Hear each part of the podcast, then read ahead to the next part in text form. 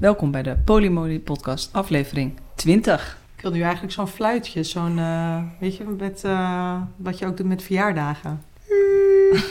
Oh, zo, ja. Oké, okay, okay, gotcha. Uh, we zitten hier uh, met Eline Tautan, maar jouw achternaam is niet meer Tautan. Nee, nee, mijn bedrijf heet Tautan. En ik heet Bruinberg. Hmm. En sinds augustus Jansen. Mm -hmm. Waar dus, komt Tautan vandaan dan? Tautan is Indisch, het Indische woord voor verbinding. Oh, wat mooi. Dus zo heb ik mijn bedrijf genoemd. Ik dacht dat het je achternaam was. Ja, ik vind het ook een hele mooie. Ja. mooi, ja. Wauw, oké. Ja. Ja. Ja, het is misschien het handigst als jij jezelf uh, voorstelt. Uh, nou, Eline. Um, ik ben 38. Ik ben moeder van twee kinderen. Wij leven polyamoreus. En daarnaast ben ik ook relatiecoach. En dan het liefst met mensen die ook polyamoreus leven. Of dat overwegen of daar in de ontdekking zitten. Of nou, ja. die fase. Helder. Dus dat is een beetje in het kort.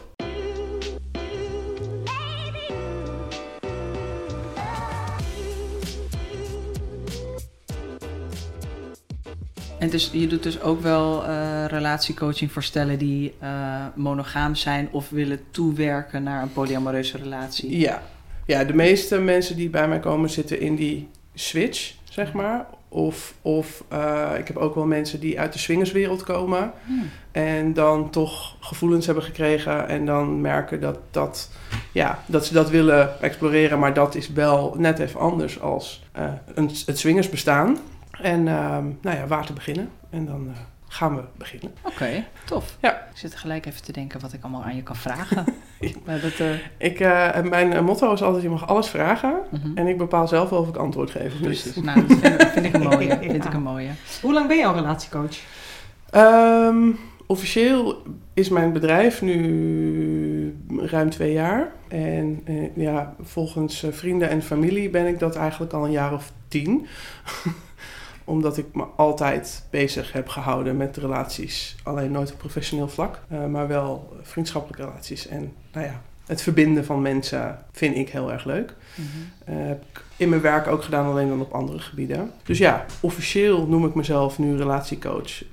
Maar ja, ik ben gewoon ook Eline of zo. Ja. Ik, ik, ik heb niet heel erg. Ik wil, ben wel heel sterk dat ik niet wil dat mensen mij relatietherapeut noemen. Daar heb ik wel een heel sterk gevoel bij. Mm-hmm. Omdat ik mezelf gewoon echt geen therapeut vind. Dat vind ik echt een ander level. Niet beter of slechter, of maar gewoon anders. Wat maakt het anders? Even voor mij beeldvormen. Het therapeut gaat ook wel, neemt ook wel veel meer het, het verleden ook mee. Mm-hmm. En gaat daar ook op behandelen eigenlijk. En als coach zijnde ben ik gewoon wel echt heel erg gericht op, op het hier en nu. En waar gaan we naartoe? Um, en waar loop je nu tegenaan? En uh, wat is er nodig om dat nu aan te passen of te veranderen? Of daar iets. En natuurlijk heb je daar wel een stukje geschiedenis voor nodig. Uh, je hebt daar wel voorgrond en informatie. Uh, je kan niet zomaar met iemand in gesprek gaan. Maar een therapeut gaat daar vaak wel iets dieper op in. Mm-hmm. En ik kies er expliciet voor om daar niet heel diep op in te gaan. Als dat de vraag is van iemand, want ik krijg wel die vragen, dan ja, verwijs ik ook echt wel weer door. Oh ja, ja. ja, dus ik ben heel gericht op ja. hier en ja, toekomst. toekomst. Ja. ja. En dit doe je dan nu twee jaar officieel met je eigen bedrijf. Ja. Wat was die omslag dat je dacht, nu ga ik dit opzetten? Um, ik heb eigenlijk altijd wel droom gehad om voor mezelf te gaan. Um, nooit aangedurfd. Omdat ik dacht dat ik nooit goed genoeg zou zijn. Mm-hmm. En ik heb um, nu dus 2,5 jaar terug een retreat gedaan. En daar heb ik dermate zelfvertrouwen en een schop onder mijn reet gekregen. Dat uh, de coach daar zei en de psycholoog daar zei van ja, weet je, ga gewoon. Ga gewoon en start before you're ready. En toen dacht ik, ja, fuck it. Ik ga gewoon. En dan zie ik wel. En op het moment dat ik dat besloot, kwam er van alles op mijn pad. Oh, wat ja. ook wel uh, heel duidelijk aangaf van, oh ja, ik Je zit echt wel op de goede weg. Ja. Ik ben eigenlijk geworden wat ik zelf zocht, acht jaar terug. Mhm. En ehm, ja, daar ben ik nog steeds heel blij mee. En ik merk ook aan alles en aan, weet je, ik ben nog steeds in dat opzicht startend. Maar er komen zulke mooie mensen op mijn pad. Dat ja, het is echt wel heel erg tof. Mooi. Ja. En je zegt acht jaar geleden wat je zocht. Want hoe lang, even eh, voor mijn beeld van hoe lang ben je al polyamoreus? Hoe is dat gegaan? Ehm, wij hebben een jaar of acht geleden eh, onze relatie geopend. Mhm. Ehm, toen kende ik de hele term polyamorie nog niet. Ehm, maar we wisten wel dat we nou iets meer wilden dan alleen elkaar. Toen kwamen we er al vrij snel achter dat we daar niet zo heel goed in zijn qua losse contacten en zo. En dat we heel erg van het verbinden zijn. En toen werd ik verliefd. Ik had vrij snel contact met een vriend van mij, wat zich verder ontwikkelde dan alleen die vriendschap. Ja, en toen werd ik onwijs verliefd. En toen dacht ik, ja, maar dat is niet de afspraak. Dus ik vond mezelf raar en het was, kon niet en dat mocht niet. En dat, nou ja, alle, Alle oordelen Alle oordelen, ja. alle... ehm, en dat was heel erg zoeken naar wat dat, wat dat dan was en of dat er mocht zijn. En er was niemand in mijn omgeving die ook maar enigszins het begreep. Ik had wel een paar vrienden, vriendinnen die luisterden, Mhm. maar die begrepen het niet. Nee. En ehm, ja, de term open relatie is dan nog wel, ehm, nou, dat vinden mensen dan wel, nou, oh, wat knap dat je dat kan. Ja. Maar ja, maar dan moet je niet verliefd worden. Dus ik heb me een paar jaar echt heel raar gevoeld. Gelukkig kon ik het wel kwijt bij Rens. Ehm, hij had ook vrij snel zijn eh, vriendin ontmoet, wat ook al een vriendin was eh, van ons. En werd dus ook verliefd. En we hadden de mazzel dat ons pad daarin wel parallel ging. Dus wij gingen gewoon eigenlijk daarin maar een beetje ontdekken wat dat was. En dat ja, dat was best heel ingewikkeld, maar we hadden elkaar. Ik deed op dat moment mijn opleiding psychologie. Mhm. Dat hielp. Ja. Ja? Dus eh, daardoor leerde ik gewoon heel erg ook naar mijn eigen, naar mijn refle- reflecteren en mijn gedrag. En wat is mijn input? Nou, bla.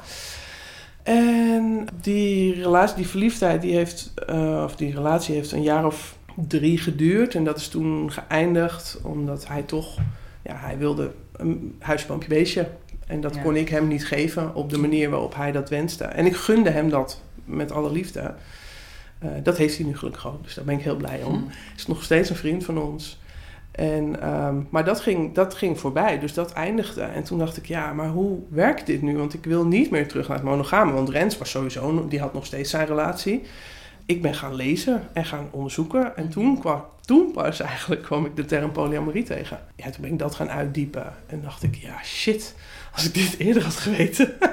dus, eh, maar ja, ik heb zelf het wiel moeten uitvinden voor mijn gevoel. Ja. En het had zoveel prettiger, fijner geweest als ik gewoon iemand had gehad die had. Al was er alleen maar iemand die had gezegd: joh, je bent niet gek. Ja. Dit Ja. is oké. Dit Eh, mag er zijn. dit mag er zijn. Ja. Het is ingewikkeld misschien en het is een uitdaging en het is echt niet het makkelijkste pad. Maar het is wel een pad om te bewandelen. En je bent niet raar. Je bent Mhm. niet, want ik heb me echt heel raar gevoeld, heel lang. Ja. Dus dat wil ik nu eigenlijk daarin mensen helpen. Om ze in ieder geval het gevoel te geven dat ze gewoon normaal zijn. Ja. en alleen op Een een, ander pad. een ander pad bewandelen dan het monogame pad. Je vertelde dat eh, jij en Renze parallel aan elkaar eigenlijk verliefd werden. Hoe reageerde Renze in eerste instantie op eh, jou, dat je verliefd werd op een andere man? Ingewikkeld. ja, dat was best wel heel lastig. Want dat, hij werd heel erg ehm, onzeker daarvan. Mhm. Eh, onzeker in onze relatie en of dat dan nog wel echt genoeg was en of ik dan niet bij hem weg zou gaan. En eh, ergens wist hij wel dat we goed zaten en we, hadden nou ja, eigenlijk alles wat we wilden. En het was alleen maar een hele mooie aanvulling, maar de, ja, het is toch raar als je vrouw verliefd wordt op iemand anders. Ehm, en dat vindt de buitenwereld vindt dat ook heel raar. Ja, Dus dus al die meningen. bevestigd ook nog eigenlijk. Ja, terwijl hij eigenlijk hetzelfde ervaarde, alleen dat toen op dat moment nog niet aan zichzelf of aan mij durfde toe te geven. Dat is ook pas later gekomen. Ja. Dus heel veel praten vooral. Ik ben benieuwd, want hoe lang ga je nu met Rens? 23 jaar. 23 jaar. En dan acht jaar geleden. eh, Wanneer kwam dat gesprek? Kwam acht jaar geleden of hebben jullie het daar al eerder over gehad? Ehm, ja, we hebben het er wel eens over gehad. Ehm, maar nooit echt iets mee gedaan. En eh, op een gegeven moment eh, is er een moment geweest dat ik met iemand anders had gezoend. En dat heb opgebiecht. En toen kwamen we er eigenlijk achter dat dat niks afdeed aan het gevoel wat we voor elkaar hadden. Dus toen zijn we dat langzaam, oké, dan, dan laten we dit nu even bezinken. We gaan samen verder, we zien wel. En we waren op vakantie. En ehm, ja, dan ga je het ineens overal over hebben. En toen hebben we eigenlijk van, ja, weet je, het heeft nog steeds niks veranderd in onze relatie. En we zijn nog steeds allebei ook nieuwsgierig naar anderen. Uh, want zowel, ik bedoel, ik had uh, dat toegegeven en Rens gaf aan, ja, ik snap dat wel eigenlijk. Want ik ben ook nieuwsgierig. En um, dus toen eigenlijk van, nou ja, dan openen we de relatie en dan zien we wel. En dan zien we wel, dat gaat ook gepaard met geen regels, we gaan er gewoon voor. Ja, ja. ja. Ja, dat was eigenlijk. We hebben nooit gezegd je mag niet verliefd worden. We hebben nooit gezegd je mag dit niet, je mag dat niet. We, het enige wat we eigenlijk altijd vanaf het begin af aan hebben gezegd is: wees eerlijk. um, en vertel waar je mee bezig bent, waar je, met wie je afspreekt of wanneer je afspreekt. We hoeven nog geen details. Daar komen we gaandeweg wel achter of zo. Dus ja, we hadden geen afspraken, regels. Ergens in het achterhoofd van, nou ja, weet je, dan deel je af en toe uh, het bed met iemand anders. En uh, prima, dan heb je het dus leuk. En dan app je eens een keer wat. En dan, uh, dat, dat is het dan. Ja, dat was helemaal niet hoe dat werkte voor ons. dus, um, dus daarin hebben we gewoon wel... En had ik wel vrij snel dat ik dacht, oh ja, dit, dit zit met deze man echt wel goed. En dit is heel fijn en dit is heel prettig. En we hebben heel veel meegemaakt samen. En als hij dan uh, met Inge afsprak, dan uh, zag ik wat dat met hem deed. En uh, ja, dat, ergens ja. voelde dat heel fijn of zo. En Inge is dan de persoon waar Renze, jou, jouw man Renze, ja. heeft een relatie met Inge. Ja, ja precies. Oké, okay. even voor de luisteraar. Ja, ja. ja. en... Um, nou ja, en dat is alleen maar mooier ontwikkeld en gegaan. En ja, zoekende. Ja. Wat, wat gaat wel, wat gaat niet, wat, wat voegt iets toe, wat, wat doet pijn. Oh, wacht, dit doet pijn, maar wat doet er dan precies pijn? Is het dat je te veel aandacht aan de ander geeft? Of is het dat je andere aandacht aan de ander geeft? En hoezo ga je niet meer met mij uit eten? Maar ga je nu ineens, als je dan iets plant met de ander, dat dan wel met die ander doen? Ja. ja, allemaal van die basic dingen. Maar daardoor raak je ook alweer, omdat wij gewoon wel heel veel tot in en treuren daarover praten, ja. Um, ja, kwamen we daar wel achter. En we echt wel, nou, we hebben ook echt wel schreeuwende ruzies gehad. We hebben ook echt wel nou, momenten gehad dat we dachten, nou, dit, dit werkt niet, dit kunnen we niet, dit willen we niet. Misschien heeft Rens dat iets meer gehad dan dat ik dat had omdat ik gewoon heel erg zeker was van de relatie tussen Rens en mij. Daar heb ik eigenlijk nooit echt twijfels over gehad. Mm -hmm. En ik merkte dat hij op een gegeven moment wel daar twijfels over. Mm -hmm. En daar werd ik heel boos van. Want ik dacht echt, ja maar gast, hoezo maak jij je zo druk? Ja. Want dit is goed. Wat wij hebben is goed. Daar is verder niks aan de hand. Um, dus wat is er met jou ja. aan de hand? Waardoor jij... Nou ja, en dan ga je gewoon op een gegeven moment ga je dan ook weer inlezen. En ga je er nog meer praten. En ja. Waar ben je je voornamelijk in gaan inlezen? Specifieke nou, boeken? Of? Um, ja, ook wel polyamorie, maar ook wel gewoon uh, uh, verhalen van mensen die, die uh, open relaties hebben. Of nou, op een gegeven moment dus inderdaad polyamorie, podcast proberen te gaan zoeken. Ja, kom je op heel veel Engelse dingen uit. En um, ja, op een gegeven moment ben ik me wel gaan verdiepen in gewoon in het algemeen relaties. Hoe werken relaties nou eigenlijk? Maar ook in ieder individu. Want ik ben er heel erg voor dat iedereen heeft zijn eigen keuzes en maakt zijn eigen keuzes. En op een gegeven moment heb je een, een pad waarin je heel veel dingen met één iemand deelt. En nou, wij hebben ervoor gekozen om dat dan ook weer met andere mensen te delen. Maar wat doet dat met jou? Want je moet zelf heel sterk staan, wil je dat aangaan met 1, 2, 3, weet ik wel hoeveel mensen. Dus eerst zorgen dat je zelf heel stevig staat en dan de andere stappen nemen. Ja, en wij hadden het geluk dat we dat samen konden ontdekken. Mhm. Dus ik ben mezelf in mijn kracht gaan zetten en, en Rens daarbij geholpen. Mhm. En hij is ook gaan ontwikkelen, andere keuzes gemaakt. Mhm. Ja, en dan loopt het. Ja. Andere keuzes gemaakt in? Nieuw werk. Ja. Ehm, eh, eh, toch je huis gaan aanpakken. Uh, nieuwe hobby. Ja. Uh, Ja, dus eigenlijk wat je zegt is zelf gewoon lekker stevig in je, in je schoenen gaan staan. Lekker in je vel zitten. Daar heel Ja. erg hard aan werken. Ja. En van daaruit bouwen. ja. Dat is eigenlijk wat je zegt. Ja. Ja, that actually makes a lot of sense. Ja. Ja, dat kom ik ook heel, ik kom het ook heel vaak tegen eh, in mijn praktijk ook. Dan komen er, komt er een stel en waarvan er dan eh, de een het voorstel heeft gedaan om en de ander wil het wel, maar vindt het heel spannend. Mhm. En dan blijkt dat, dat degene die het voorstel heeft gedaan, staat eigenlijk al wel wat steviger en sterker. Eh, en de ander is misschien nog wel ook gewoon met nou ja, wat negatief zelfbeeld. Of, Ja. Dat kom ik heel veel tegen. Dus dan, Ja. ga, ja, dan splits ik de coaching even. Want dan ga ik eerst even met die ene persoon aan het werk.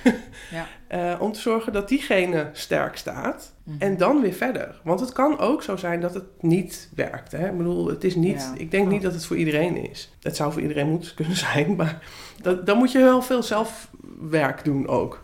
Wat voor eigenschappen zie jij bij stellen voor wie het wel werkt, maar die gewoon een beetje struggelen, zeg maar? Wat, welke, ja, welke dingen zie jij bij stellen?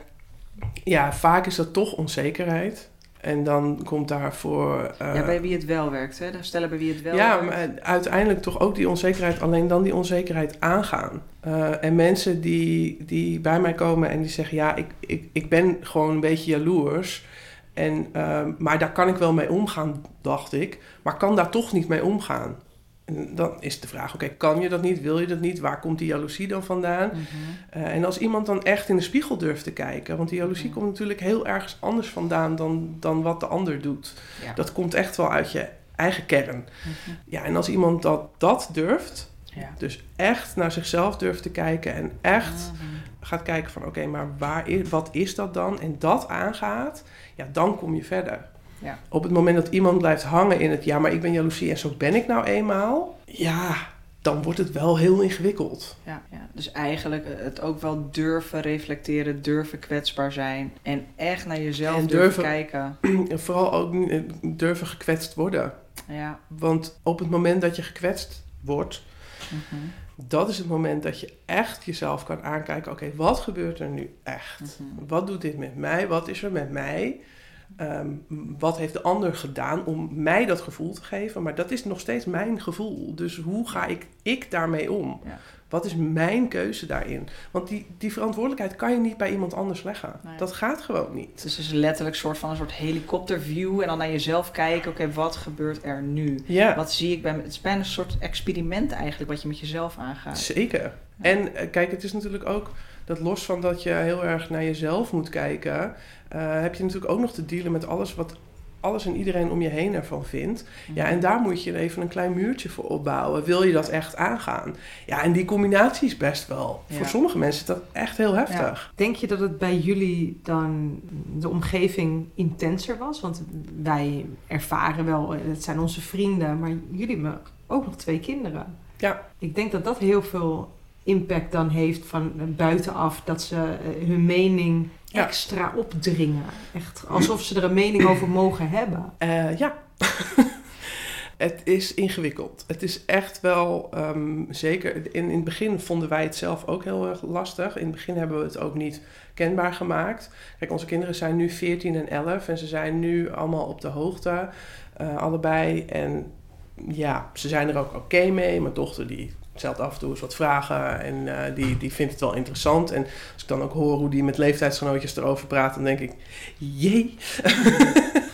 Ehm, maar ja, wij leven in een omgeving, vrienden en familie, waarin dit, wij zijn echt de enige. Er zijn wel mensen in onze omgeving die non-monogaam zijn, maar daar is minder ethiek bij.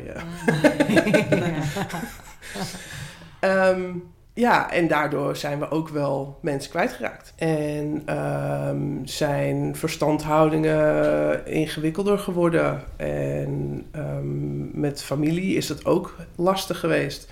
Nou heeft het ook niet geholpen dat hoe de familie bijvoorbeeld dat te horen heeft gekregen. Ja, dat was een beetje mijn, eh mijn bad. Eh, dat ging niet zo subtiel eh, door een artikel. Maar goed, vervolgens daarna vindt iedereen er wat van. En er is, dat is gewoon heel lastig geweest. Ik ben altijd heel open. Dus ik ben op een gegeven moment... Ja, weet je, wat ik net zei, je mag alles vragen. En dan bepaal ik zelf wel of ik antwoord geef. Alleen de vragen kwamen niet. Mhm. Oh ja. En dat vind ik lastig. Want ik weet dat mensen dingen willen weten, maar ze stellen de vragen niet. Ik ga niet alles uitleggen. Ik ben gestopt met mezelf verantwoorden. ja. Dat doe ik niet meer.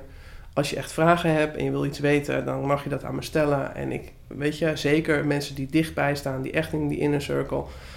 Ik wil alles met je bespreken. Ik wil het je uitleggen. En nee, mijn kinderen hebben er geen last van. Nee. Je, je hoeft geen melding te doen voor emotionele mishandeling. Want ze komen echt niks tekort. Eh, we bespreken zaken ook met ze. En dat is oké. Alleen, ja, we zijn nog steeds de enige in onze omgeving. Ja. Maar was er dan ook een stukje eh, volledige, ik noem het even desinteresse vanuit eh, jullie cirkel? Dat, dat ze dus door dit ook niet meer vroegen, en hoe is het tussen jou en Rens? Dat, dat, dat werd gewoon helemaal verboden topic. Gewoon jullie hele... Ja, gewoon onze relatie werd gewoon, dat, dat, nou ja, dat was dan wat het was. En er werd af en toe eens een opmerking gemaakt over, ja, ja, nee, het is oké hoor. Oké, Alsof jij de kast bent gekomen. Ja, nou, zo voelde het wel, denk ik, voor zover ik dat, eh, ja. En hoe heb, je het, eh, hoe heb je het verteld tegen je kinderen? Hoe oud waren ze? Hoe heb je dat aangepakt? Ehm, daarna was 12, mijn dochter. Mhm. Die, eh, daar heb ik een onwijs goede band mee, durf ik nu nog te zeggen. Prioriteit. Ja, precies. Nee, en die heb ik op een gegeven moment gewoon apart genomen. Omdat toen dat artikel, eh, ik had toen meegewerkt aan een interviewtje en eh, dat zou geplaatst worden. En dat werd ook online gezet. Ja, zij was ondertussen op de leeftijd dat ze ook een online leven begon te ontwikkelen. Mhm. Eh, dus ik dacht, ja, dit moet ik voor zijn. En mijn zoon was toen negen. Ik dacht, ja, dat, dat loopt wel los. Die, die, die, eh, Dus ik heb haar gewoon eh, eh, apart genomen. We zijn op bed gaan liggen en daar hadden we altijd de meest mooie gesprekken. En toen heb ik uitgelegd, of, of gevraagd, of zij weet wat een open relatie is. En of zij, want ja, die kinderen van 12 weten echt veel meer dan dat je denkt. dus toch voordat ik als oude moeder iets ga uitleggen waarvan zij denkt, ja, de, Ja. Nou, dat kennen ze inderdaad wel, dat wisten ze dan wel. Dus Oké. nou, uitgelegd van, nou ja, dat hebben papa en ik ook. En we daten ook met andere mensen. Ja, ik date af en toe met iemand en papa date af en toe met iemand. Toen hebben we nog geen namen genoemd. Omdat we dat nog, nou, dat vonden de andere partijen op dat moment niet prettig. Nee. Dus dat Want zij we- kenden die andere partij. wel. Ja, ja, ja. precies. Dus dan, Eh, we dachten, nou, voorzichtig, weet je, eerst Ja. maar eens gewoon kijken wat... En ja, daarna de reactie was eigenlijk, oh, oké, dus eh, jij date soms met andere mensen? Ik zei, ja. En papa doet dat ook? Ja. Nou, oké. En door. Dat Ja. was het. Ja. En, en toen dacht ik wel, ah, oké, dit, dit gaat wel heel makkelijk. ja. Ik zeg, maar vind je daar dan iets van? En ze kijkt me echt aan. Ze zegt, ja, wat moet ik daar dan van vinden, man? Je zegt net dat je dit al, al jaren doet. En ik heb er nog nooit last van gehad. Dus waarom zou ik daar nu dan ineens Mm. iets van vinden? Als ik er maar geen last van heb, nou, dat snap ik. En dat vind ik ook een, eh, een, een goede opmerking. Dus Ja. nou, prima. Ik zeg, en op het moment dat je er last van hebt, zeg het dan alsjeblieft. Ja, is goed hoor. Mhm. Dus ehm, Wat zijn nergens weerstand eh, voor... Ja, maar ik wil niet eh, als Ik papa een vriendin... papa, ik ja, wil een niet- mama. ja, de enige weerstand die zij soort van had, of waar, waar, ik, waar ik dat stukje weerstand proefde, was: jij en papa doen dit wel allebei, hè? Ja. Mhm. Niet alleen jij of alleen papa. Dit is wat jullie samen doen, toch? Oh ja. Dat was het enige voor haar wat, Ja. wat belangrijk was. En eh, nou ja, daar kon ik volmondig ja op zeggen. Dus Ah. dat was, en dan Mm. was het voor haar ook oké. Ze zegt, ja, nou ja, dan is Ja. dat wat. Als jullie, als jullie daar maar eerlijk over zijn naar elkaar. En je zoon? Ja, die hebben we het vorig jaar verteld. Die was toen... Ja, die was toen negen en nu Ja. is hij, was hij dus eh, net elf. Ja. En dat kwam omdat... Oh ja, toen heb ik meegedaan aan het programma van Nadia. Ja. Ehm, dat kwam op tv. En daar was heel veel aandacht voor. Ik werd namelijk ook met een taxi opgehaald en zo. Dus hij wilde weten, want ik zat met mijn voet in het gips. Dus ik kon niet rijden. Dus was, oh, dan halen we je op. Oké. Ehm, dus ik, er kwam een taxi voor op een zaterdagmiddag. Ja, die jongen wil weten, wat ga je dan doen, mama? Weet je wel. Ja. Ja. Ehm, dus dat hebben we ook aan hem uitgelegd. En ehm, toen heb ik vervolgens heb ik die aflevering. eh, Nou ja, en hij maakte daar eigenlijk helemaal niks van. Hij is wel iemand die ook even wat langzamer de dingen even, even, moet ja, laten werken. bezinken. En dus ook heel duidelijk van joh, als je vragen hebt, stel ze. Ja, dat is goed. Nou, prima. En toen de aflevering samen met Dana gekeken eh, van Nadia. En Rowan zat aan tafel. Dus die hoort wel alles. En die Ja. reageerde daar verder niet op. En Dana en ik hebben het gewoon gekeken. En Dana vond het Ja. hartstikke grappig om te zien. En helemaal prima. Die wist eigenlijk alles al wel. Ja. En na die aflevering eh, zat hij nog even te gamen. En toen ging hij naar bed. En toen zei hij... eh, Mam, tijdens het televisieprogramma zei jij dat papa een vriendin heeft. of, en die kennen wij ook. Ik zeg, ja, dat klopt. Ja. Wie is dat dan? Hij was heel snugger. Ik zeg, wie denk je? En nog voordat ik de vraag had gezegd, noemde hij al Inge. Ah. Hij wist het al lang al. Ja. Ja. Hij- Jack wist eigenlijk wel dat dat een hele speciale vriendin was. Ah. Ah ja, ja. Dus, Ach. En ik zeg, en vind je, en hij ook wederom, ja, wat moet ik daarvan Mhm. vinden? Het is wat het is. Ja. En, eh, en, en het is prima. En ze zijn er allemaal, eh, allebei helemaal lang mee. En, en ja, Ja. maken er ook niet zoveel van. Het enige wat Dana zegt is dat ze zegt: Ja, mam, eh, luister. Ik Ja. zou het niet leuk vinden als je ieder weekend eh, overal en nergens eh, met iedereen afspreekt Ja. en zo. Ja. En nu deze week heb ik toevallig drie avonden op een rij, heb ik iets. En dan is het wel van: eh, Ja, maar eh, morgen gaan we wel een serietje kijken hoor, ja, samen. Ja, ja, ja. Ja, nou ja, dat Ja. mag ze ook vragen. ja.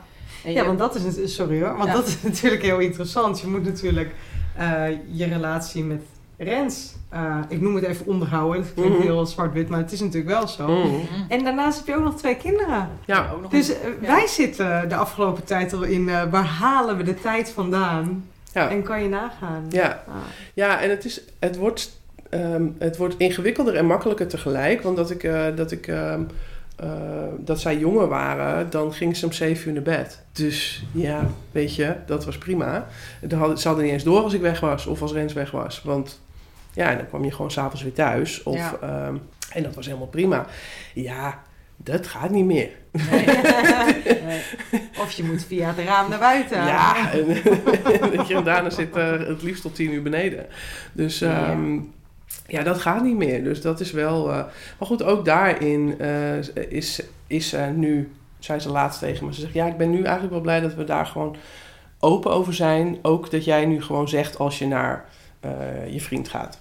Oké, dus zij vraagt ook wel om duidelijkheid daarin. Van ik wil wel weten waar je bent dan. Ja. Ja. Ja, want voorheen zei ik dan wel dat ik dan naar, naar een vriend ging. Oh, ja. Ehm, en eigenlijk wist zij dan al wel, ja, bla. Ehm, Mhm. Maar ze, dan vroeg ze niet door, Ja. eh, want die ruimte voelde ze dan toch niet. Eh, en nu zeg ik waar ik naartoe ga, Mhm. Ehm, omdat het al heel lang dezelfde persoon is. Ja. Die zij overigens niet kennen en ook niet gaan leren kennen, want dat is weer een ander verhaal. Maar ja. ehm, nu zegt ze wel, ze zegt, ja, ik vind het gewoon fijn dat ik dan weet dat je dan bij hem bent. En Mhm. dat dat dan Ja. gewoon is. Ja. Ja. Dus, eh, En je vertelde dat zij ook wel heel leuk met een leeftijdsgenootje het er daarover had, hè?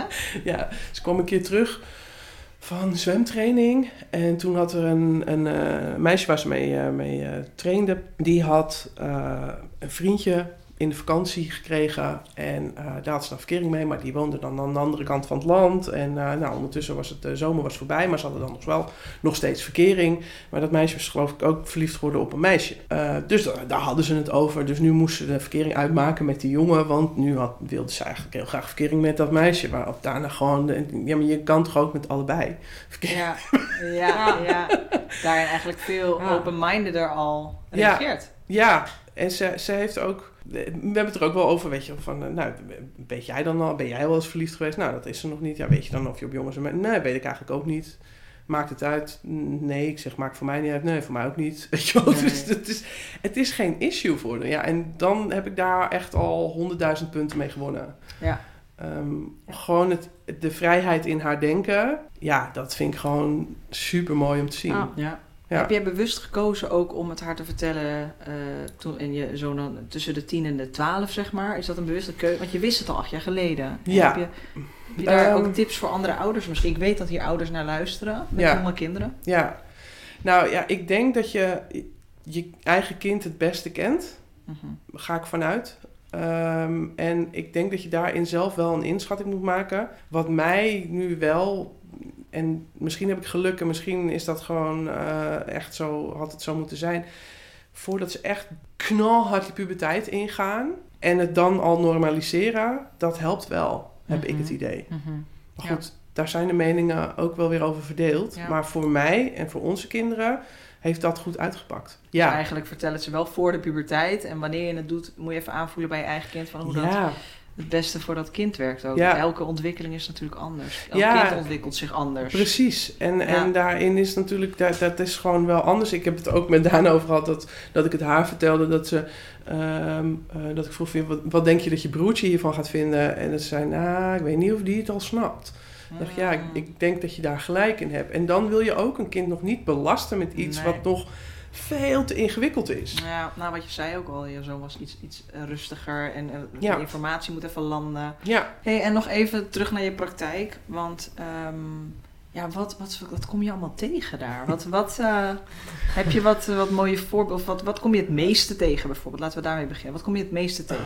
Het meeste kom ik tegen mensen die langdurig bij elkaar zijn Mhm. en dan hun relatie openen.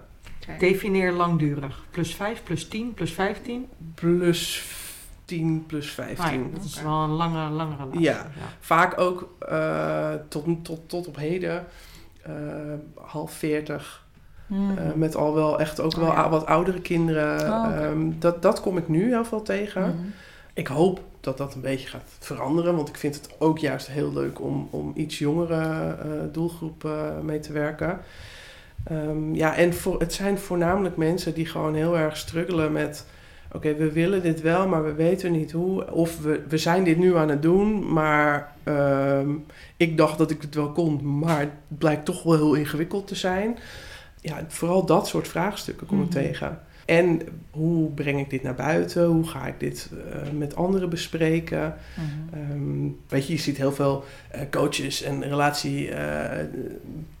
relatietherapeuten ook wel op een website en dan met klanten en dingen die mensen die iets positiefs vertellen. Zo. Ja, dat gaat gewoon niet gebeuren. De meeste mensen die bij mij, die, die, die zijn heel blij dat ik ergens ver weg in een dorp een, een, eh, een praktijkruimte heb waar niemand ze ziet, zeg maar. Ja. En dat vind ik, ik snap het wel, zeker in het begin, maar dat vind ik ook wel heel jammer. Want Ja. ik ben juist dat ik denk, kom op jongens. Omdat polyamorie een taboe is, je? eigenlijk? Ja, Ja. Oh, Ja. ja. ja. Dus de- Mm. ja, en ergens, eh, ja, en ergens ben ik in een swingersclub, eh, mond-op-mond reclame, dus Ah. daar krijg ik ook wel, eh, wel vragen. Het zijn vaak eenmalige gesprekken, Mhm. ehm, want dat bied ik ook wel een beetje een soort peer- peer- peer-to-peer sport. Ehm, om gewoon eens, ja, wat, wat is het nou precies en wat, wat moet ik nou, de do's en don'ts en Oh ja. dat, dat voornamelijk denk ik. Dat Hm. is eigenlijk, zijn niet extreme gevallen waarvan ik denk van, oh, dit is heel raar of heel bijzonder. De- Nou ja, het is allemaal bijzonder. Ik vind, het, ik vind het zelf ook nog steeds heel bijzonder als je een langdurige relatie hebt en je bent, je wilt het serieus aanpakken om dat te openen en ja. daar hulp bij inschakelt, eh, omdat het gewoon best ingewikkeld is. Zijn dus ook mensen die ook wel preventief naar jou komen, ook wel. Niet Ja. altijd mensen die dan helemaal eh, heel ruzie en helemaal oorlog en dan bij jou. Het zijn echt wel Nee, ook mensen dat zijn die... voornamelijk mensen die preventief eh, Hmm. komen, ja. Ja. Of inderdaad um, opmerken van, nou, we zijn de- deze weg ingeslagen en we hebben nu heel veel ruzie, maar dat willen we niet. Maar we willen wel deze weg blijven bewandelen. Ja. Maar we gaan niet naar een gewone eh, relatietherapeut, want die snapt het niet. ja. Want dat is natuurlijk wel, je kan als je een probleem hebt in je relatie natuurlijk heel veel hulp zoeken. Ja. Eh, maar als jij eh, het non-monogame pad bewandelt, dan zijn daar toch, daar is de keuze wat minder eh, ruim. ja. Ze zijn er wel hoor, ik bedoel absoluut. Eh, maar ook niet heel veel, want dat krijg ik ook heel veel terug, omdat ik zelf ook die leefstijl heb. Ja. Ja. En die Die vorm van ervaring. en die ervaring. Mhm. Dat helpt gewoon, ja. En dat is dan ook wel ja. wat ik bij wil dragen, zeg maar. Ja. Ja. Ja. Heb je nog goede tips voor onze luisteraars? Die ehm, dingen die je ziet en praktijk waarvan je denkt van nou, als je dit nou eens meeneemt in je relatie, dat gaat je ontzettend op weg helpen. Op het moment dat je je relatie opent, dat je voor polyamorie kiest, zeker als je voor polyamorie kiest en daar gevoelens bij komen, plan momenten dat je je gevoelens bespreekt. En doe dat zeker in het begin, één keer in de week of zo. Eh, omdat het heel veel, wat ik heel veel tegenkom, is dat je, je zit toch in dat heteronormatief, wat, je zit daar vast, je zit daar in Mhm. klem. Dus op het Ook moment in je dat gedachten. in je eigen gedachten Ja. ook. Dus op het moment dat je echt die gevoelens ervaart, dat je denkt, oeh nee, dat mag eigenlijk, of dat kan, of ja, het is wel oké, maar hoe dan? En op het moment dat je daar zelf heel erg aan het struggelen bent en je, niet, en je dan ook nog een moment moet gaan uitkiezen wanneer je dat dan gaat zeggen of bespreken, dan gaat dat moment voor zich uitgeschoven worden, is mijn ervaring. Mhm. Als je gewoon standaard op zondagavond om 6 uur een gesprek hebt over gevoelens, even heel plat gezegd, dan is dat het moment dat je het gaat hebben. Dan kan het nog steeds ingewikkeld zijn om het hardop uit te spreken, Mhm. maar dan weet je, oh ja, dat is het moment dat ik dat kan overleggen, bespreken, eh, bespreekbaar maken. Dan hoef je niet meer nog, ook nog eens die drempel van, oeh, wanneer, nou, hij moet dan werken of zij moet dan en dat en dat. Ja. Dat staat gewoon. Dat moment staat er gewoon. Mhm. En dan wanneer je dan de gevoelige kwesties bespreekt, ja, dat is op dat moment. En dat wordt soms wel een beetje plastisch. Ja, en dat is Eh, ook goed om het natuurlijk, als je wel echt heel boos bent, om het dan juist te denken, oké, we hebben zondag een gesprek, ik stel hem nog even uit. Om Ja. hem te laten zakken eigenlijk. Ja, Ja. Want dat, ja, mijn ervaring is dat dat wel helpt. Ja. Eh, want zeker, ja, vanuit emotie. En er komen een heleboel emoties bij kijken. Ja. Ik bedoel, ik heb alles ervaren. En Ja. ben, ik, ik, ik heb denk ik, zeker in die beginjaren... eh, me nog nooit zo onzeker, bang en angstig, maar ook Ja. boos gevoeld als dat ik dat die jaren daarvoor heb ervaren. Ja. In ieder geval niet binnen mijn relatie. Dus ehm, Want wordt het beter?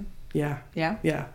Ja, mijn ervaring zeker. En wat ik zie eh, bij de stellen die ik coach ook. Mhm. Als je, alleen soms moet je gewoon een hele lange adem hebben. Ja, Maar als het doel hetzelfde blijft. ja, Um, Rens en ik zeggen altijd: ja, wij, wij worden samen oud. ja. En er mogen mensen bij komen, dan gaan mensen weg. En het, is, eh, weet je, het leven is een treinreis. Stappen mensen in, stappen mensen Mhm. uit. Helemaal prima. Wij blijven samen reizen. En Mhm. de ene keer zit hij in een andere coupé, dat kan ook. maar hij zit nog steeds in de trein. Dat vind ik een mooi metafoor. Dat vind ik ook een leuk metafoor. Ja. Weet je, de, de- soms zit ik even in de stiltecoupé en eh, hij in de rokerscoupé. en andersom. Maar we Ja. zitten nog steeds in diezelfde trein. Het Ja. doel is nog steeds hetzelfde. Ja. Ehm, en dat is oké. Ja. En eh, je hoeft het niet altijd eens te zijn met Ja. elkaar. Als je maar naar hetzelfde doel blijft Ja. toewerken. Ik had, ehm, ik had de afgelopen week heb ik het echt super moeilijk gehad. En daar gaan we het in de volgende podcast ook nog zeker over hebben. Mhm. Eh, en ik, nou ja, Manon, even heel kort. Manon die was dus, eh, nou die is verliefd op iemand. Spoiler. en eh, ik ging echt, ik was zo cool de hele tijd. Ik ben de af, het afgelopen half jaar, kan, durf ik echt wel te zeggen, half jaar op een paar momentjes na best wel heel cool geweest. En ik, ik ben echt nog nooit, denk ik, zo onzeker geweest. En zo jaloers geweest. En echt, maar ik, voor mijn gevoel kreeg ik niet genoeg aandacht van Manon. En dat had ik dan ook aangegeven. Dit is mijn behoefte. En weet ik veel wat allemaal. En ik, ik kwam maar niet van die onzekerheid af, wat ik ook deed. Mhm. Wat zou je bijvoorbeeld mij in zo'n situatie adviseren? Hoe ga ik daarmee om? Wat moet ik doen? Ja. Hoe, wat, moet, wat moet ik doen om uit die spiraal te komen? Nou, ehm, door het gewoon even te ervaren. En dat Mhm. klinkt heel lullig, Ja, maar voel het maar even. ja, En weet je, want je kan heel goed reflecteren en je weet waar het vandaan komt en je Mhm. weet de afspraken en je weet. ja. Maar het wegduwen, dat gevoel, of eh, compleet afleiding zoeken met alles of whatever. Mm, Dus, eh, dat gevoel is er. ja, Dus een skippiebal die je onder water duwt. Dan kan je met je hele lijf boven gaan Ja. liggen. En, eh, maar die skippiebal blijft daar en die Ja. gaat niet weg. En Ja. het kost je tering veel moeite om dat Ja. ding maar onder water te houden. ja. Terwijl als je hem gewoon bij het hengseltje vastpakt en op het water laat drijven... dan kan je zelfs nog zwemmen, hè? Ik vind dit geweldige metafoor. Ik zit er helemaal voor. Ja, ik merkte dus dat ik eigenlijk eh, Manon even op de rem wilde trappen. En door gewoon even te zeggen van... Oké, heel even, geef me even ademruimte. Want ik wil het best aangaan, maar geef me even ademruimte. Even rustig. Oké. Niet zes keer per week met haar, maar even twee keer. Mhm. Ik moet het even behapbaar maken voor mezelf. Maar, en, en diep van binnen wilde ik het heus wel zeggen van... eh, stop er mij helemaal mee. Maar Mhm. dat, dat dacht ik, dat is ook niet wat ik wil eigenlijk. En inderdaad, ik was ook afleiding aan het zoeken. Heel veel op dating apps. En ik wil ook met iemand, want ik ben momenteel met niemand aan het daten. Dus en de combinatie met met niemand aan het daten. En Manon is hartstikke verliefd. En ze gaat me verlaten. Ze gaat weg bij me. En dan inderdaad die skippiebal onder water duwen. Dat zeg je echt heel goed. En het is zo, het is zo lijp gevoel of zo. Want ik was echt mezelf helemaal kwijt. En ik, ik, het lukte me gewoon niet om daar weer Nee, bovenop kijk, te komen of en zo. door dat inderdaad dan ook te voelen en... en, en ja, kijk, je kan het bespreekbaar maken, maar je kan Mhm. niet van de ander verwachten die, dat hij dat gevoel bij jou weg gaat nemen. Ik denk dat ik diep van binnen ergens wel dat gevoel had. Omdat ik in Manon, nou ja, met Manon had ik het dan. Want ik wist heel goed waar het vandaan kwam. Mm. Ik wist gewoon, jij bent verliefd, je hebt je roze bril op nu. En ik krijg gewoon echt wel minder aandacht. Ja, En, eh, en ik trek het gewoon even niet. En nou ja, dat gaf ik dan bij Manon aan.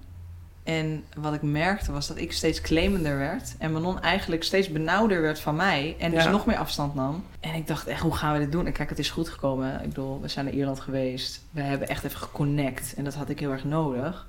En nu gaat het weer super goed. Maar ik kan me niet anders dan voorstellen dat er mensen in mijn positie zijn die dit ook ervaren. ja Wat- meer dan. Nou ja, het bespreekbaar blijven maken en dat gevoel mag er zijn. Mhm. Eh, en dat is vervelend. Ja, Het is meer dan vervelend. Het is heel Ja. erg kut, maar het is van jou. ja. Het is niet van de ander. Ja, Want dit is de afspraak, dit is de deal, dit is Ja. hoe het werkt en dit is de keuze die je gemaakt hebt. ja, Dan moet je ook de consequenties ervaren. En eh, nu is dat een eerste keer en dan is het vaak wat heftiger Mhm. dan dat het later in het proces misschien nog een keer voorkomt of nog een keer. Weet je, eh, de eerste keer dat ik bij iemand ging slapen, heeft Rens plafonddienst gehad. ja. Ja, Ja, en dat vond ik dus zo raar. Want ik had dus geen moeite met zozeer met bijvoorbeeld andere mensen. Was het, nou ja, dan sliep Manon met eh, Gigi bijvoorbeeld. Of dan, ik had alles al meegemaakt voor mijn gevoel. En Manon die was heus wel een keer op date geweest. En die vond haar leuk en weet ik veel wat. En die zagen elkaar. Maar dit was echt verliefdheid. Ja. is echt wel andere koek. maar dat is echt wel anders. Ja. En dan gaat, je ziet ook dat de ander zich anders gaat gedragen. Ja, En eh, eh, daar is niks mis mee. Maar op een gegeven moment is het het Mhm. mooiste als je door je eigen onzekerheid heen gaat en door je Mhm. eigen angsten heen gaat. En dat je dan dus inderdaad in Ja. die mm, compersie komt, dat je in dat ja liefgevoel komt. Ja. Maar dat, Nou, en die is- ken ik dus heel goed. ja, maar, maar, dat was helemaal kwijt. maar toch heb je dat waarschijnlijk dus nog niet zo intens, heb je, heeft Manon het nog niet zo intens ervaren als, Ja. en is de positie gewoon anders Mhm. geweest. Ja, en daar moet je dan doorheen. En door het erover te hebben en door het te ervaren en door Mhm. Realistisch te kijken en te- ook te denken van oké, nou, het lief zijn voor mezelf. Wat heb ik nodig? Hoe Mhm. realistisch zijn mijn wensen op dit moment? Ja, Ja, dan, maar het gaat niet in één keer over. Dat gaat gewoon niet. nee. We zijn ook maar gewoon mensen en dat voelen Mhm. we en, en dat mag er ook zijn. Maar ja, Ja. Je gaat het niet helemaal uit de weg. Het wordt minder Ja. de keer daarna. ja, dat is... Dat, ja. Dus dat, dat, dat is vaak wel Ja. als je het aandurft om het door te zetten en daar doorheen te gaan en dat Mhm. samen weer te ervaren, Ja. word je er alleen maar sterker van. Ja. ja, dat is wel wat we inderdaad ervaren hebben tot nu toe. Ja. Het is wel een combinatie geweest van dat ik uiteindelijk ook kreeg wat ik nodig had. Maar dat, daar was dus wel een week samen weg voor nodig om dat echt te krijgen. Ik voelde me echt een bodemloze put aan liefde. Mhm. Maar inderdaad ook echt weer lekker in mijn vel zitten. Weer me- mezelf goed voelen. Aandacht voor mezelf hebben. In combinatie met eindelijk krijgen waar ik behoefte aan had. Even je aandacht. Even je volledige aandacht. Want dat heeft me echt in paniek gebracht, joh. Dat is echt... echt Ja, en dan is het. Kijk, de vraag is dan natuurlijk ook: komt dat puur en alleen maar door de NR NRE, de, de New Relationship Energy Ja. eh, van Manon? Of was er eigenlijk ergens al iets bij jou wat niet helemaal Mm. lekker zat, wat daardoor gewoon gevoed werd? Ja, ja. Want dat is vaak ook nog wel. Ik denk hoe dan ook. En daar hebben we het wel in de vorige podcast ook over gehad. Er, er zit in ieder geval bij mij, en ik, ik denk ook bij Manon, maar in ieder geval bij mij zit er wel een klein beetje een soort laag zelfbeeld. Ehm, en een, een gevoel van eh, er mag niet van mij gehouden worden. Er hoeft niet, ja, hoe zeg je dat? Ik ben niet goed genoeg. Ik ben niet goed genoeg. eh, jij, kan, het kan niet zo zijn dat jij van mij houdt. Want ja, kom op, kijk naar mij. En ik weet heus dat ik een leuk mens ben hoor. Dat is het probleem niet. Maar het, gewoon echt geloven dat zij van mij houdt. Ja. Ergens diep van binnen vertrouw ik dat gewoon niet. En dat is, nou, dat is puur jeugdtrauma ook. Maar dat, daar, ik leer daar nu zelf verantwoordelijkheid, nog meer verantwoordelijkheid voor nemen. Want shitload een therapie gehad hoor, Ja. niet van. Maar dat blijft. eh, ik, Ja, maar dat blijft Ja. een litteken wat Dat dan toch echt, weer eh, even ja. aangeraakt wordt. En dat doet zeer. ja. Ja. En, en dat is wat het is. En dat zou je is- die partner adviseren van, van die persoon die dus zo geraakt is? Terwijl jij zit, Manon zit dan op dat moment lekker in de new relationship energy met de roze bril op en de, en de puntmuts en de, en de eh, John Travolta pak en helemaal in happy modus. wat, wat adviseer je uh, die verliefde luisteren, partner? maar je, je, je, kan ook niet, je kan het ook niet weg. ook dat gevoel mag er zijn. Mhm. Alleen inderdaad, goed luisteren naar wat de ander dan zegt en nodig heeft. Maar ook wel heel duidelijk aangeven, joh, luister. Die bevestiging wel geven dat, dat, dat het oké is. Maar je kiest voor de polyamorie. Dus dan mag de ander ook die blijdschap voelen. En op het Mhm. moment dat je... Want jullie noemen elkaar nestingpartner, toch? Ja. dat je nestingpartner het heel zwaar heeft, dan is dat ook voor degene die in die verliefdheidsrol zit Ook heel lastig en Ja. heel moeilijk. Want je, je gaat in een soort verscheurde, in een dubbele persoonlijkheid zitten. Want aan de ene kant wil je je nestingpartner alles geven wat diegene nodig heeft. Mhm. Maar je hebt zelf ook dat blije waar je, Ja. wat, wat je wil voeden en waar je mee aan de gang wil. En het enige wat je daarin kan doen is dat, dat gevoel echt wel behouden. Mhm. Ehm, en door te luisteren naar de ander, maar niet ook aan jezelf voorbij gaan. Ja. Want je mag dat voelen. Je mag, en het is van jullie beiden, maar ook van ieder voor zich. Ja. En sommige dingen moet je bespreekbaar maken maar is nog steeds gewoon van ieder voor zich. Mhm.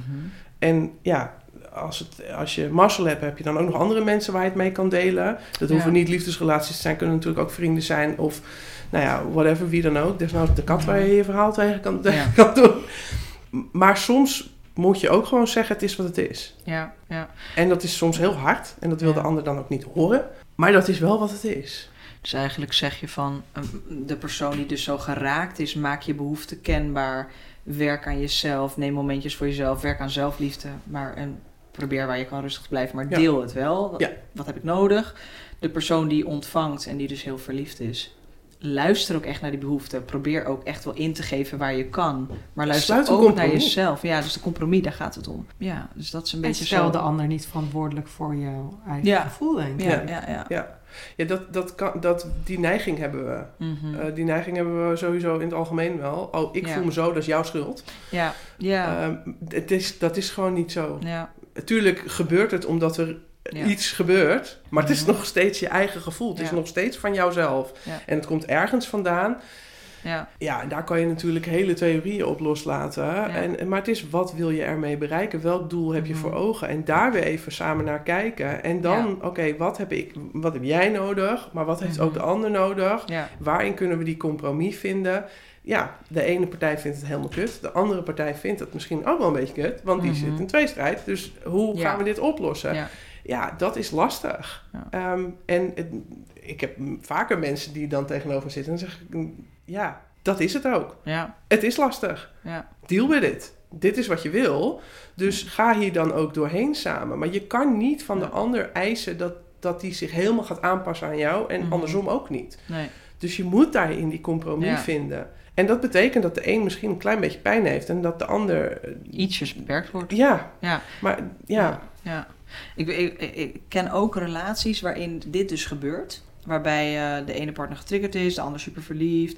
En dat die verliefde partner eigenlijk zegt... Ja, sorry, maar ja, dit moet je toch echt helemaal je zelf doen. Succes ermee. En to- dan is het totaal geen... Dat, dat het bijna toxic wordt. Zo van, wij kiezen voor polyamorie.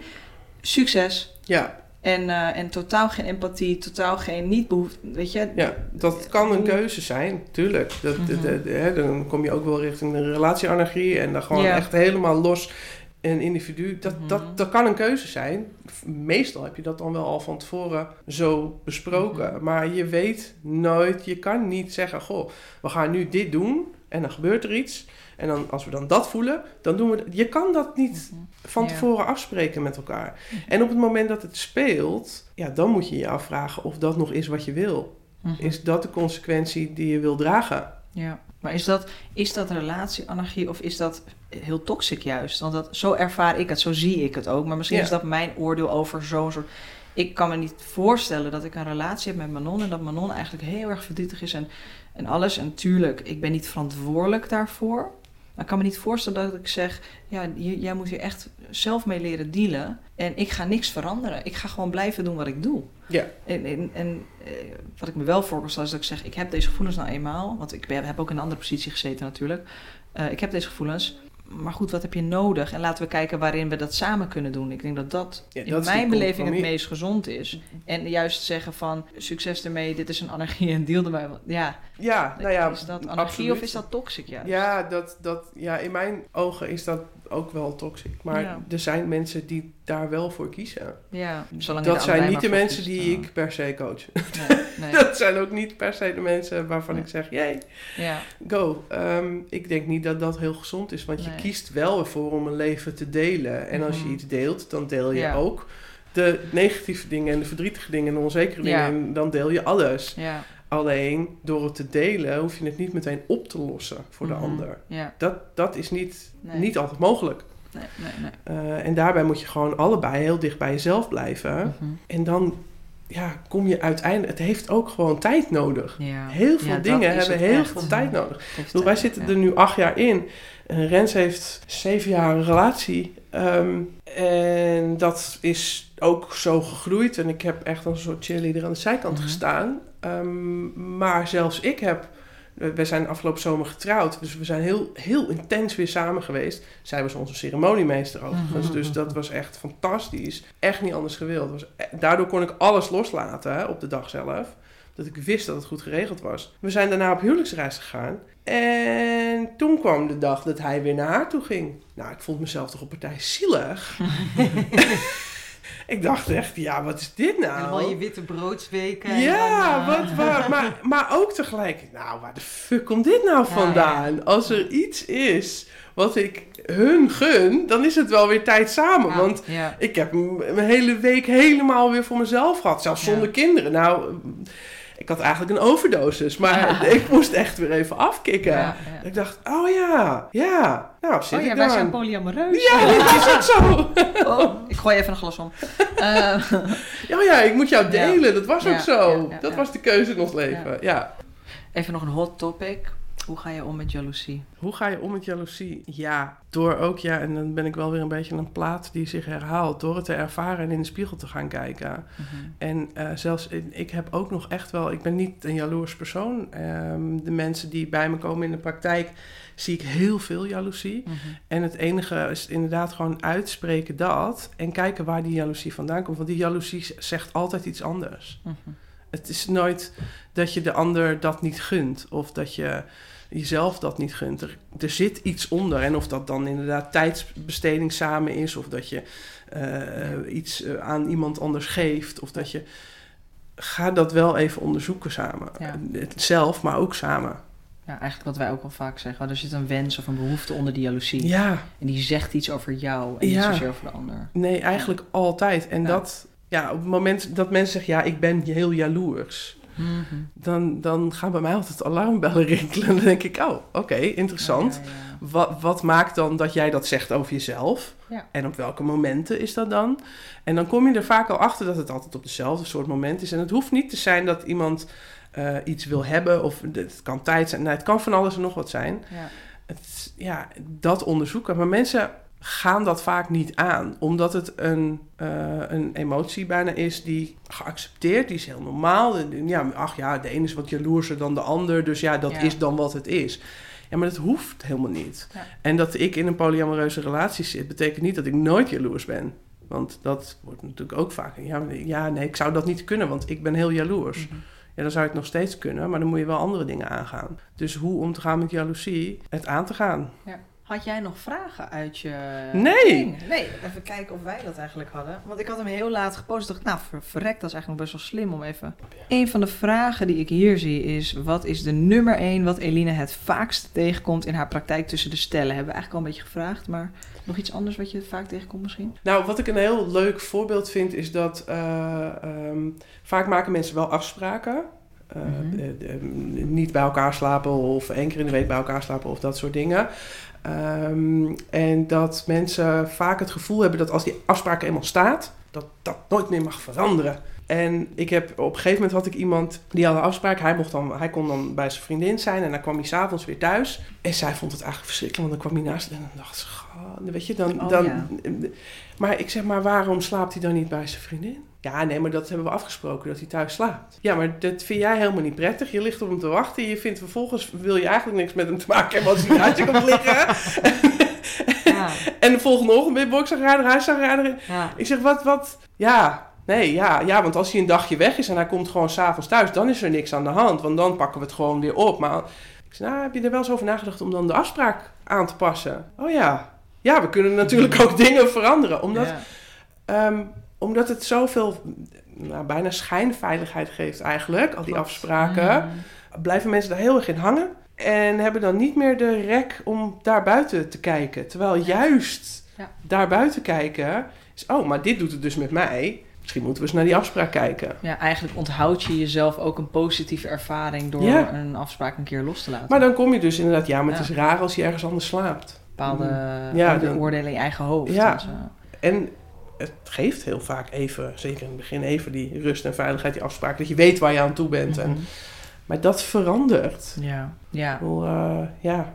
Dat is ook wel fluïde eigenlijk. ja, absoluut. Ik had nog een leuke vraag. Hoe ervaren jullie new love energy in jullie relatie en hoe ervaren de andere partners deze fase? Dus hoe ervaren jij en Renze in dit geval, of jij en ik, maar laten we beginnen met jij en Renze. New love energy. Ehm, New relationship new energy. relationship energy, ja. Ja, ja, voor, de, voor de mensen die niet weten wat new relationship energy is. Op, op dit moment is Manon dus mega verliefd. en die zit hier met rode wangetjes. Eh, en, en dat is eigenlijk die new relationship energy. Dus eh, ja, een soort verliefdheid of een nieuwe relatie. En de, de enjoyment en de, de spanning die je daarbij voelt. Alles is nieuw, alles is leuk. Ja, en om de, hoe zeg je dat? Het mora- nee, niet het moraal, maar wat, de, wat de, de, de, de meeste mensen denken is, je kan maar verliefd zijn op één persoon, Ja. zeg maar. Dus door, door die term eigenlijk verliefdheid eh, uit het raam te Mhm. smijten en daar nieuw relationship energy Ja. van te maken.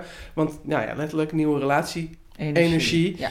eh, je krijgt er iets, iedereen krijgt er iets voor terug. Ja. Eh, en soms is het eh, even vechten door die energie, maar je krijgt er wel uiteindelijk iets voor terug. Mhm. En verliefdheid kan nog wel eens zoiets zijn van... ja, maar nu ben je verliefd op een ander, dus, Dus niet nu meer is het niet meer op mij. Mhm. En ehm, Ja. hoe ik... Ja, nou ja, heel... Hij is al eh, zeven jaar met haar. ik heb het heel makkelijk. ja. Dus ik zou... Nee, ik durf van mezelf te zeggen dat Mhm. als dat nog een keer zou gebeuren... dat ik daar misschien ook wel een beetje angstig... maar ook wel heel enthousiast over zou worden. Mhm. Want ik weet welk gevoel dat is en hoe fijn dat is. En we, staan nu zo, we zijn nu zoveel verder in dat proces. Ja. En ik heb, in het begin heb ik hem echt wel aangemoedigd om daar gewoon in te gaan. ja. Dus ik zou dat heel erg leuk vinden. Maar heel eerlijk weet ik dat natuurlijk ook niet als ik er zo Nee. straks middenin zit en dat gebeurt wel. En Mhm. ja, kinderen worden ouder en dan is er ook weer meer ruimte om dat te gaan ontwikkelen en ontdekken. Eh, geen idee. Nee. Hoe En hoe, dat, hoe eh, gaat Renze om met jou? Los van je weet niet hoe hij zich misschien voelt, maar hoe gaat hij ermee om? Met jouw Met mijn, eh, relationship energy? Ehm, nou, hij gunt mij de wereld. Dat, is, dat staat altijd bovenaan. En hij gaat eigenlijk heel... Ja, we moesten van de week wel heel erg lachen. Want ik had mijn WhatsApp openstaan op de laptop. Mhm. En eh, daar kwam een berichtje binnen over iemand die mij wilde zoenen. Ah, Oké. En eh, ik had niet door dat de laptop gekoppeld was. Ik was ook niet eens thuis. Dus ik, kennelijk gaat hij dan nog steeds af. En Rens zat achter de laptop. Dus die zei, joh, je moet dat even van de laptop halen. Want die kinderen zitten ook nog wel eens achter de laptop. Het is niet handig als die bepaalde appjes zien voorbij komen, zeg maar. Oh ja, oké, nee, dat is waar inderdaad. En toen dacht ik, want ja, als iemand je wil zoenen en zo. Toen dacht ik, oh wacht, ja, oké. Oké, dus, ehm, maar ik zeg, wat deed dat met jou dan? Ja. Want ik, daar ben ik dan wel weer nieuwsgierig. naar. Hij zegt, ja, ja, eigenlijk niet zo heel veel. Ik dacht wel, nou ja, dat snap ik. Wel? En, Ja, ehm, daar ging er wel heel chill mee om. ja. eigenlijk. Zo. En eh, ik heb nu, nu 2,5 jaar eh, contact met één iemand. En ik, ben nu, ik heb nu ook wel weer de ruimte om, om weer wat nieuwe mensen te Ja. ontmoeten. Dus ik ben wel weer een beetje aan het daten. Ja, en we gaan zien of dat dan iets wordt of niet. Of, Mhm. ja, en tot nu toe gaan we daar eigenlijk heel chill mee om. Nice. Ik, eh, Kijk even naar Manon. Hoe, eh, hoe ervaar jij eh nieuwe relationship energy? Ja, elke keer wel lastig in het begin, maar het wordt wel elke keer ietsjes makkelijker. Waarin ik in de eerste instantie echt in eh, volle paniekstatus was, zoals je weet, Ja? ben ik daar nu wel rustiger onder. En heb ik ook een omslag gemaakt in dat ik me heel erg verantwoordelijk voel voor mijn eigen gevoel. Mhm. Waardoor ik het niet zo de hele tijd maar bij jou neerdrop. En uiteindelijk, vooral nu, omdat ik in deze fase zit, denk ik: ga alsjeblieft ook, zodat je die hete adem even uit mijn nek haalt. maar ook omdat ik het je heel erg gun om weer vrolijk te zijn en blij te zijn. Mhm. Want dat eh, op, op de laatste momenten heb ik dat niet zo heel erg gemerkt. Omdat ik dan met mijn eigen verdriet en mijn eigen onzekerheid bezig was. Toen ik die nieuwe relationship energy Ja. had en jij dus even onzeker was. Ja, Precies, maar eh, als ik daar nu aan terugdenk, dan denk ik wel van... Wat was het eigenlijk leuk en mooi en fijn om te zien dat, je, dat iemand je zo happy kon maken. Mhm. Buiten. Ik- Jij dan? Nou, grappig. Jij zegt het wordt steeds makkelijker. Voor, ik heb het gevoel dat het steeds moeilijker wordt voor mij. Ja, maar wij zitten in een, eh, in een dementie die, die, die zo gaat. Ik, ik weet niet, jij Manon mag die dit... is even de vingers in elkaar aan het... eh, aan het eh, eh, alsof ze er- de eigen hand vasthoudt. jij mag er een woord bij bedenken. Ja, frictie. Nee, ehm, nou, weet je wat het was? Ik vond het dus heel makkelijk. Jij was niet zozeer verliefd, maar jij was best wel heel dol op iemand. En ik vond dat zo leuk en ik wilde alles weten. En toen zei jij, Jezus, laat me even ademen gewoon. Ik wil gewoon zelf dit voelen. En ik, maar ik, ik wil alles weten en ik vind het zo leuk. En ik ben, en ik, zal ik anders cake voor jullie maken op jullie date? En ik was helemaal, helemaal blij. Nee, niet, nee, je kijkt naar mij. Ik ging inderdaad niet echt cake maken. Maar bij ging wijze thee van maken, Thee, dat hè? was het, ja. Ik ging thee maken. Ja, dat zat er niet ver vanaf. Thee, cake. Ehm, en nu ben je echt verliefd. En dat is wel anders. Eh, maar de reden, ik ben nog steeds van de reden dat het anders is, is omdat toen jij heel erg dol op die persoon, nou ja, daar ben je nog steeds echt heel dol op. Bij, toen je zeg maar met haar aan het daten was, bent, slash, had ik toch nog iets meer jou voor mezelf. En nu dat je met ehm Jodie aan het daten bent en dus verliefd bent op Jodie, merk ik ineens dat je Jodie twee dagen per week ziet. Kwalitatieve tijd, echt aandacht, date, leuk. En mij eigenlijk nog maar één keer per week naast alle praktische dingen. En, dan, en toen dacht ik ineens, shit man, ik heb wel echt weinig, aan, ik krijg weinig aandacht voor mijn gevoel. En toen werd ik jaloers en onzeker. En dat vind ik wel lastig. Dat is anders dan een, een eh Bo die je één keer per twee weken ziet. Dus de, de tijd was anders. En De daardoor was mijn gevoel, de intensiteit was anders. Het vele appen, er, wa- er waren zoveel veranderingen ineens. Dus ik heb het gevoel dat het voor mij lastiger werd, zeg maar. En waar Eh, stond jij toen? In welke positie in contact met anderen was Ja. jij? Ook daar was een verandering. Want ik was dus aan het daten met Emma. En dat stopte ook nog op dat moment. En, oh zie je, ga ik mijn vinger gaan tikken. dat stopte. En ik eh, had iemand ehm, met wie ik wel graag op date wilde. Nou, dat, dat liep niet zo. Dat ging niet zo vlot als dat ik wilde. En toen dacht ik, nou, laat maar zitten. En toen ging ik op date met iemand. Nou, dat ging hartstikke mis. Dat, ik heb echt een kut date achter de rug. Daar ga ik niks over vertellen. Maar, nou, ik wil ook niet zeggen kut date. Maar het was vooral daarna nog wel een beetje kut. Dus ik werd eventjes op mijn ego getrapt of zo. En dat hielp niet. Nee, dus, dus dit De gebeurde. weegschaal was heel heftig Ja. ineens, ja. Ja, Ja, dus nog steeds jij die daar staat, ja. door ervaringen die jij meemaakt. Mhm. Ja, en jij Ja. die... ik- Eline even maakt even een weegschaal van het plafond tot het laminaat. Dan is het dus aan jou om van die weegschaal af te stappen. Ja. Zodat Manon weer kan Dan kletter ik naar beneden van 2,5 meter hoogte. Ja, ik denk dus dat als ik die, die, die vervelende date niet had gehad... en als ik gewoon nog lekker met iemand aan het daten was... dan had ik gewoon had ik me best een beetje rot gevoeld... maar dan had ik het veel beter kunnen dragen. Ja, dus eigenlijk is het heel mooi dat je dit hebt ervaren. Eigenlijk wel. Het is wel, ja, en, en, en de, nou ja, wat ik al zei, de reden dat het is opgelost... is omdat ik echt even een week de tijd gehad heb met Manon... en dus heb aangegeven van, hé, hey, ehm, ik heb je even nodig. En je hoeft het echt niet helemaal te stoppen, maar ik heb je echt even nodig. In eerste instantie ging Manon vol in de weerstand. Wat ik inderdaad ook begreep, want ik, begrijp, ik ken hem vanaf de andere kant ook. Ik voel me beperkt, ik ben verliefd. Nou ja, verliefd. Eh, laat me gewoon le- lekker mijn ding doen. Eh, maak je niet zo onzeker. Tuurlijk hou ik van je, doe het normaal. Ja. Ehm, maar ja, dus ik denk dat deze week samen heeft me heel erg geholpen. En de rest heb ik zelf moeten doen. Ik denk dat dat wel eh, heel veel in mijn hoofd, nadenken, voelen. Podcast luisteren. Podcast, heel veel podcast luisteren. Heel veel podcast Ja, maar luisteren. het ging dus ook niet. Het was dus een samenloop van omstandigheden. En nu wordt het natuurlijk. Er is alleen maar één persoon die, die het te horen Mm, krijgt. Ja. Terwijl het lag aan heel veel andere personen ook.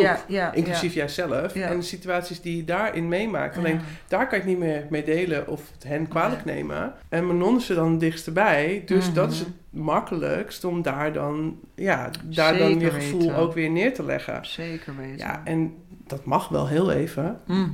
Maar dat moet dan op een gegeven moment ook wel stoppen. Ja, het werd echt een soort onstilbaar verdriet ook. Gewoon van, knuffel mij. Nee, je knuffelt me niet goed genoeg. Ik heb echt nodig, je moet me echt knuffelen. Ik was echt een klein kind gewoon. Ja. Je werd zo, ja, Maar dat, maar dat is best wel heel... Ik vind dat best wel en heel heftig voor me, maar ook echt heel heftig voor jou. Ja, maar Ja. Ik, vind, ik vind het echt een plus dat we het nu echt van allebei de kanten hebben meegemaakt. Mm. En Ja, dat is echt een winsituatie. En ook omdat ik eigenlijk vanaf het begin af aan al heb gezegd tegen jou... Ik wou Dat ik- zeggen. nu Mhm. dat jij heel erg actief deed en ik heb niemand. Dus ik moet maar continu dealen met die emoties en zien en alleen Ja. maar kijken, kijken, kijken. En nou heb je de smaak te pakken. hè? Ja, smaak te pakken. Godverdomme. Gewoon helemaal over je heen. En als je puur feitelijk kijkt, hoe lang heeft dit dan nu geduurd? Alles bij elkaar twee weken. Ik vond het best wel lang. nou, maar dan, Korter en dan- volgens nee, mij nog en het, zeg maar, nee, maar dat ik me zo onzeker voelde, heeft echt wel een week geduurd. En het herstel heeft ook een week geduurd. Dus een week samen naar Ierland. Mhm. Bijna 24-7 met jou samen zijn. Maar onder, en ondertussen merkte ik, oh, ga maar even lekker bellen met Joey. Ja. Oh, oh, je wil Ja. graag volgende week even op date met... Doe maar lekker, Ja. weet je wel. Ik, ik voel zoveel meer ruim. Maar dat is wel omdat ik voorzien ben in mijn behoefte in contact met jou. Het wordt wel en- duur elke keer als jij onzeker bent dat we een week naar Ierland moeten. Volgens mij heb ik betaald. No, no, no, no, no. Nee, nee, nee, nee, liefie, je betaalt niet alles. Nee, oké. Louis is mijn sugar daddy. Ja, er staan nog vacatures open voor sugar eh, babes. Ja. Ja, maar dit is dus wel... Kijk, en als dit nog een keer zou gebeuren in... Mhm. in stel, je zou precies dezelfde situaties ervaren. Dat, nou, de kans is dat dat op deze manier exact hetzelfde gaat verlopen... is natuurlijk al vrij klein. Mhm. Maar stel... Ja. Dan kan jij niet vast blijven hangen aan het idee... oh, maar ik moet nu een week samen, Nee. 24-7. Dat, Nee. dat, dat liep nu zo. Ja. Gelukkig, Ja. heel fijn. Dat was zo en, en, en dat moest dan zo zijn ook. Mhm. Maar dat is niet zeg maar dat dat de volgende keer precies hetzelfde gaat. Nee. Want dat weet je niet. Nee, nee, nee. Eh, en de volgende keer heb je misschien gewoon één dag of een weekend opsluiten in huis en, en samen weet ik veel wat eh, kijken. Ja. eh, en, en gewoon twee dagen op de bank hangen of in bed liggen. En dan is dat wat je nodig hebt. Maar Mhm. ehm, wat mensen dus veel, vaak doen, wat ik dus vaak zie, ja, maar dat heeft me toen geholpen. Mhm. Dus ik wil dat nu ook weer. Ja. Dat gaat gewoon niet. Ja. Je kan niet altijd terugpakken naar precies hetzelfde wat toen de oplossing was. Want Nee. iedere situatie is ook weer anders. Heeft weer een nieuwe oplossing nodig. Ja. Ja. Ik denk dat we nu wel... Ik weet nu van, oké, dit is wel wat ik nodig heb. En, maar daarnaast heb ik ook nog mezelf ook nodig. En dat is wel een grote les geweest. Dat ik moest echt even inderdaad door dat verdriet heen. En, maar ook, ik weet dat Manon nu ook weet van... Dat ik wel echt even die aandacht nodig heb wel. En dat hoeft niet helemaal eindeloos en onverzadigbaar te zijn. Dat is mijn les. Maar als ik het maar wel een beetje krijg of zo. En dus mezelf nodig hebben. Nou ja, we zijn er weer mooi vanaf gekomen. Dat is weer een Ja, mooie les. ja echt hoor. Nou, ik had zelfs even dat ik dacht ik wil stoppen met polymerie. Had ik zelfs. Ik ben de initiator van dit hele gezeik. De initiator van dit gezeik. dat wordt, een, dat wordt een nieuwe sloten. Niet waar beginnen we aan, maar de initiator van het hele gezeik. Ja, ik eh, ben wel toe aan een afronding. Ik ook. Heb jij nog vragen voor Eline? Nee, alles was duidelijk, helder, helpvol, eh goede adviezen en eh, leuk dat je je ervaringen met ons hebt gedeeld. Ja, Ja. eens. Dat vind ik ook leuk om te doen. Dus, Heb jij nog vragen aan Elina? Nee, want ik, nee, ik denk dat ik alles wel gevraagd heb, eigenlijk. Ja, Mooi. Ik ben heel blij dat ik er, dat ik er mocht zijn. Ik vond het echt heel leuk. En eh, Nice. Ik ben eh, heel benieuwd naar de rest van ja, jullie pad. ik heb trouwens nog wel een vraag. Waar kunnen mensen jou vinden? Eh, ja, op tautancoaching.nl. Ja, Tautan is dan T-A-U-T-A-N Ja. coaching.nl. Ja. Oké. En eh, ja, ik sta ook wel op LinkedIn en dat soort, maar dat, dat Ja. is het dan. En Instagram uiteraard, Eline uh, laagstreepje Tautan. Oké. Daar Ja. probeer ik een, een klein deeltje van mijn leven zo her en der eens te delen. En wat kost zo'n sessie nou bij jou ongeveer? Wat heb je daar een soort vaste prijstarieven voor? Ja, in principe is het 60 euro per uur ex-BTW. Helder. Dus, ehm, En voor stellen begin je meestal met eh, wat 120 minuten geloof ik? ja, dat is Ja. wel echt wel twee uur. Ja, En eh, ja, van daaruit, ik, ben, ik heb wel pakketten en ik heb ook wel een traject. Ja. eh, voor mensen die echt heel erg helder al hebben, oké, we willen dit en we willen daarin begeleid worden. Ja. En dat gaan we volgen. Eh, dat is helemaal prima, maar ik merk dat er heel veel mensen toch allemaal een beetje willen aftasten. En ik Mhm. ben er niet om een rijk van tevoren. Ik ben om mensen Ja. wel een beetje op weg te helpen. Dus als je daar in één sessie eh, uitkomt, helemaal top. Als je daar de tien voor nodig hebt, ook prima. En Mhm. dan gewoon eh, op iedereen's tempo. Ja. Want je, dat, dat tempo is ook niet te bepalen. Ja. Je gaat niet zeggen, nou, gaan nu even een half jaar iedere maand twee sessies doen. En dan Nee. over een half jaar zijn we waar we, waar Ja. we willen zijn. Ja. Dat, ja, dat, dat, mijn ervaring is dat dat niet werkt. Dus Nee. daar ben ik niet zo van. Nee. Alright. Heel erg bedankt dat je er wilde zijn natuurlijk. Dankjewel. Yes. En eh, dan gaan wij... eh, nee, ik heb trouwens nog even goed nieuws. Ehm, ik word 16 oktober geopereerd. Ik krijg een mastectomie, een borstoperatie. Eh, dus de borstverwijderende operatie. Dus dan eh, lig ik zes weken lig ik plat. Nou, dat is niet helemaal waar. Ik mag mijn armen vooral niet omhoog doen. En ik ga mijn non heel veel laten doen. Maar... eh, Als straf. als straf. Ehm, misschien nemen we nog wel een podcastje op vanuit bed. Ja. ja. Kan even duren voordat de volgende online staat, maar eh, we laten je achter met deze. Bedankt voor het luisteren. Bedankt voor het luisteren en een eh, fijne dag. Doei.